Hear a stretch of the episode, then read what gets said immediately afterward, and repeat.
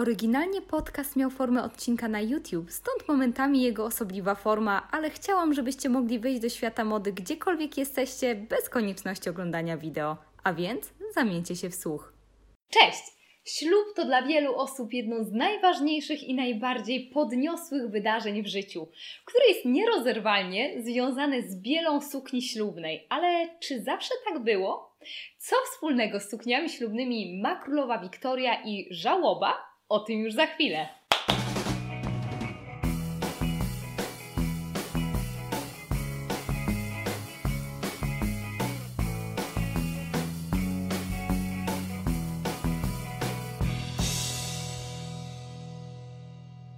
Do nagrania odcinka zainspirował mnie komentarz Sznurowado, która to właśnie zasugerowała, że z chęcią dowiedziałaby się nieco więcej o sukniach ślubnych. Jeśli macie jakieś pomysły, pamiętajcie, że zawsze możecie mi dać znać w sekcji komentarzy. Ślub oznacza wyznanie wierności i dozgonnej miłości drugiej, wybranej przez nas osobie, ale oczywiście nie zawsze tak bywa, ponieważ ślub to również bardzo silne narzędzie, które może stanowić unię pomiędzy dwoma znanymi rodami, a więc swoisty sojusz polityczny, tak, żeby zyskać jeszcze większą władzę. Choć współczesne śluby to oczywiście również targowiska próżności, pokazanie zamożności było szczególnie istotne w przypadku małżeństw z rozsądku, tak żeby pokazać swoją pozycję. Od wieków kobiety decydowały się na najmodniejsze i najdroższe stroje, ponieważ suknie ślubne miały stanowić niejako przedłużenie właśnie tej rangi ich rodu, czyli goście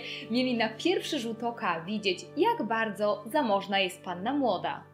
Jeśli chodzi o tkaniny, decydowano się na jedwabie, futra, aksamity, wszystko miało być również wyszywane złotymi nićmi, tak żeby na pierwszy rzut oka to bogactwo aż kapało suknie. A jeśli chodzi o kolor, no właśnie, biel nie była oczywista. Najdroższym barwnikiem był kolor czerwony, a więc w takim kolorze bardzo często występowały suknie. I tak naprawdę przed epoką wiktoriańską suknie ślubne występowały naprawdę w wielu, wielu kolorach.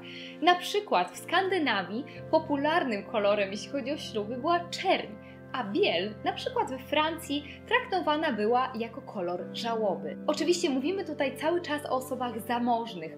Osoby, które nie miały tak dużo pieniędzy, decydowały się na założenie swoich po prostu najlepszych już posiadanych ubrań. Pierwsze wzmianki, jeśli chodzi o białe suknie ślubne, to XV wiek i ślub Filipy Lancaster, która miała na sobie jedwabną tunikę, a na ramionach gruby płaszcz, podbity futrem. Kolejna ważna postać to Maria I Stuart, która również wybrała biel, rzekomo dlatego, że był to jej ulubiony kolor, ale pamiętajmy o tym, że wychodziła za mąż za Francuza, a we Francji był to kolor uważany za kolor żałobny. Warto tutaj nadmienić, że jedynie współcześnie zaczęliśmy kojarzyć biel z dziewictwem i niewinnością. Wcześniej za taki kolor uważano kolor błękitny, który miał być związany z Matką Boską oraz pośrednio również z monarchią. I jeśli chodzi o to tradycyjne białe ujęcie sukien ślubnych, nie działo się zbyt wiele aż do roku 1840.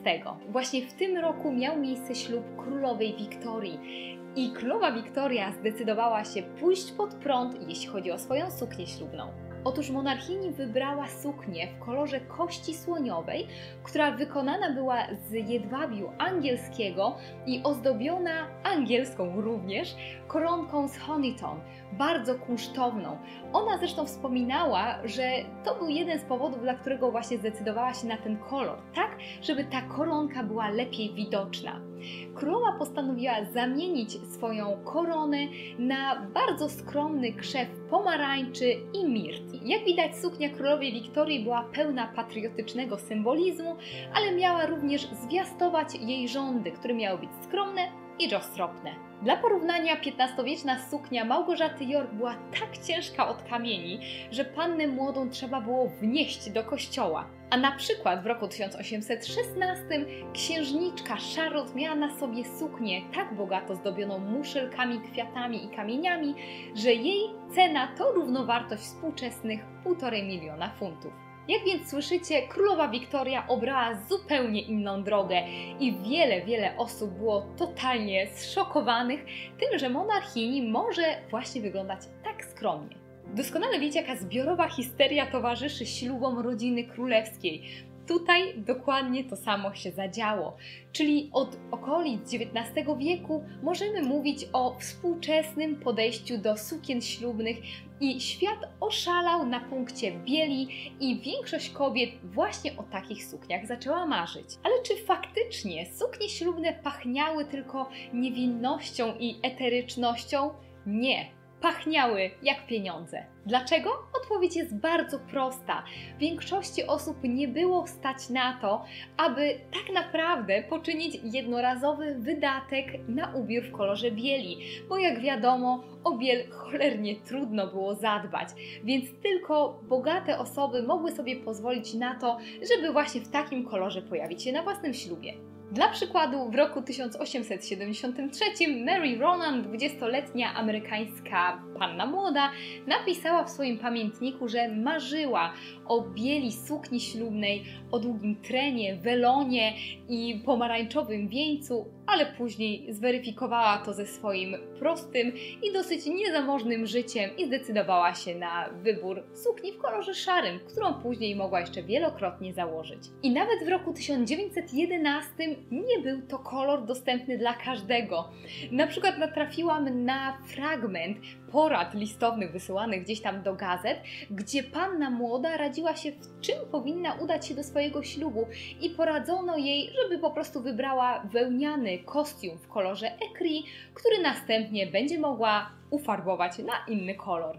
Biel sukni ślubnej na dobre zakorzeniła się w kulturze oraz była również dużo bardziej popularna i dostępna po II wojnie światowej, kiedy to coraz więcej osób oglądało hollywoodzkie produkcje, gdzie panna młoda zawsze miała na sobie białą suknię i coraz więcej osób było stać na to, aby zdecydować się na wybór ubioru, który był tak naprawdę założony raz.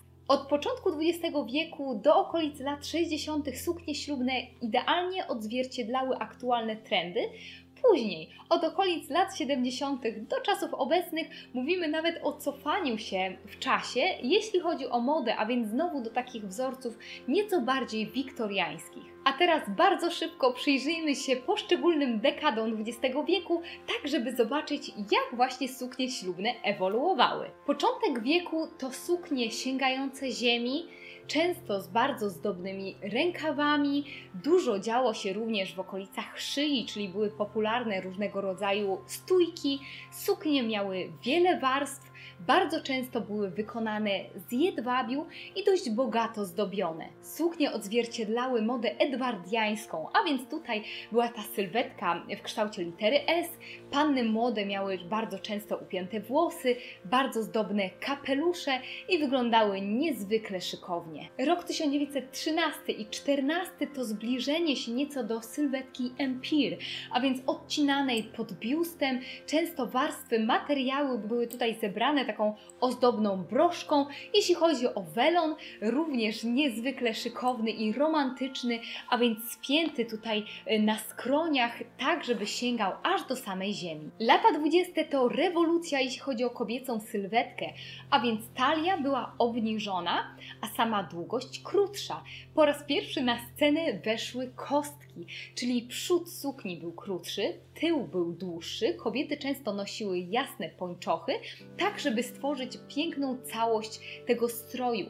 Sam welon sięgał ziemi i był również bardzo często spięty tutaj na skroniach, tak jak w przypadku lat wcześniejszych. Wiele kobiet zamiast welonu decydowało się również na kloszowe kapelusze, tak żeby nadążać za najnowszymi trendami. Lata 30. to powrót do tradycyjnego ujęcia kobiecej sylwetki. Widać tutaj bardzo duży wpływ hollywoodzkiego glamour, ponieważ kobiety znowu stały się posągowe, ich sukienki sięgnęły ziemi i tworzyły lejącą się całość razem z długim trenem oraz długim welonem. Najczęściej stosowane materiały to atłas, satyna, jedwab, a także nowy materiał rejon. Można więc powiedzieć, że lata 30. to taki nieco bardziej syreni wizerunek, jeśli chodzi o kobiety, a same nakrycia głowy warto tutaj również wspomnieć o bogato zdobionych siateczkach, które miały przytrzymywać wówczas bardzo modne hollywoodzkie fale. Lata 40. to oczywiście trudny czas wojny. Suknie ślubne nie były dostępne,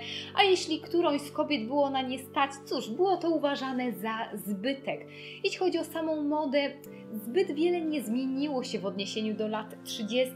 Pojawiły się nieco bardziej uwydatnione ramiona, również dekolt w kształt litery V, ale tak naprawdę suknie ślubne nie rozwijały się wówczas w jakimś znaczącym stopniu, wiadomo dlaczego.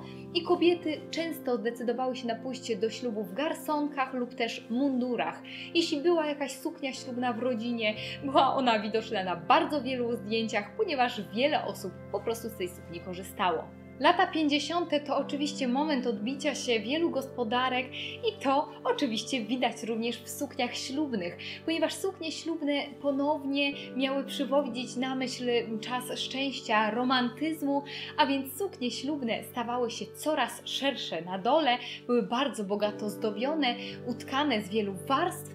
Góra Tutaj kobiety w sobie pozwalały na nieco więcej, czyli pojawiały się również suknie bez ramion, albo suknie bogato zdobione, wystarczy wspomnieć e, jedną z najbardziej ikonicznych sukien ślubnych, a więc suknię ślubną Grace Kelly. I zresztą warto tutaj wspomnieć o tym, że kreacje hollywoodzkich gwiazd miały naprawdę ogromny wpływ na to, co wówczas było modne. Lata 60. to rewolucja w każdej możliwej dziedzinie, również jeśli chodzi o śluby, ponieważ suknie ślubne po raz pierwszy przypominały bardziej suknie codzienne i sięgały nawet połowy uda. Kobiety często nosiły do tych sukienek e, kolorowe rajstopy, często w kolorze różowym albo białym, do tego pasujące buty na kaczym obcasie, a jeśli chodzi o welon, welon był również krótki, albo niektóre kobiety decydowały się na przykład na chustki. I wystarczy tutaj zestawić sobie suknię ślubną Audrey Hepburn z lat 50. i z lat 60. Widać różnicę, prawda? Lata 70. to spojrzenie wstecz, nostalgiczne, romantyczne, suknie ślubne znowu były długie, złożone z wielu warstw, bardzo zwiewne. Rękawy ponownie również były długie, często zebrane takim długim mankietem w nadgarstku. Nie było tutaj mowy o wielkich dekoltach, pojawiły się natomiast kapelusze, bardzo duże kapelusze jako dodatek, a również ślubne garnitury. I wystarczy tutaj wspomnieć moją ulubioną Biankę Jagger. Uff, Lata 80. to dla wielu osób ślubny koszmar, a więc osobliwa mieszanka trendów z przeszłości, ponieważ jeśli chodzi o spódnice, były one niesamowicie rozłożyste. Suknie bardzo często były wykonane z tafty, ogromne rękawy. Jeśli chodzi o ramiona, również zgodnie z modą lat 80., bardzo szerokie. Jeśli chodzi też o dekolty, w kształcie serca, dekolty karo, wszystko było dozwolone, byle tylko większe, bardziej krzykliwe i nieco bardziej ozdobne niż to było możliwe w dekadach wcześniejszych. Welony również bardzo długie, bardzo zdobne, także kobiety przysłowiowo przypominały bezę. Lata 90. to ukłon w stronę minimalizmu, a więc odejście tak dalekie od lat 80., jak to tylko możliwe. Suknie lat 90. były proste, przylegające, często również wykonane na przykład z jedwabiu czy z satyny, zupełnie jak w latach 30 Y, również trzymające się na ciele na cienkich ramionczkach z wycięciami na plecach.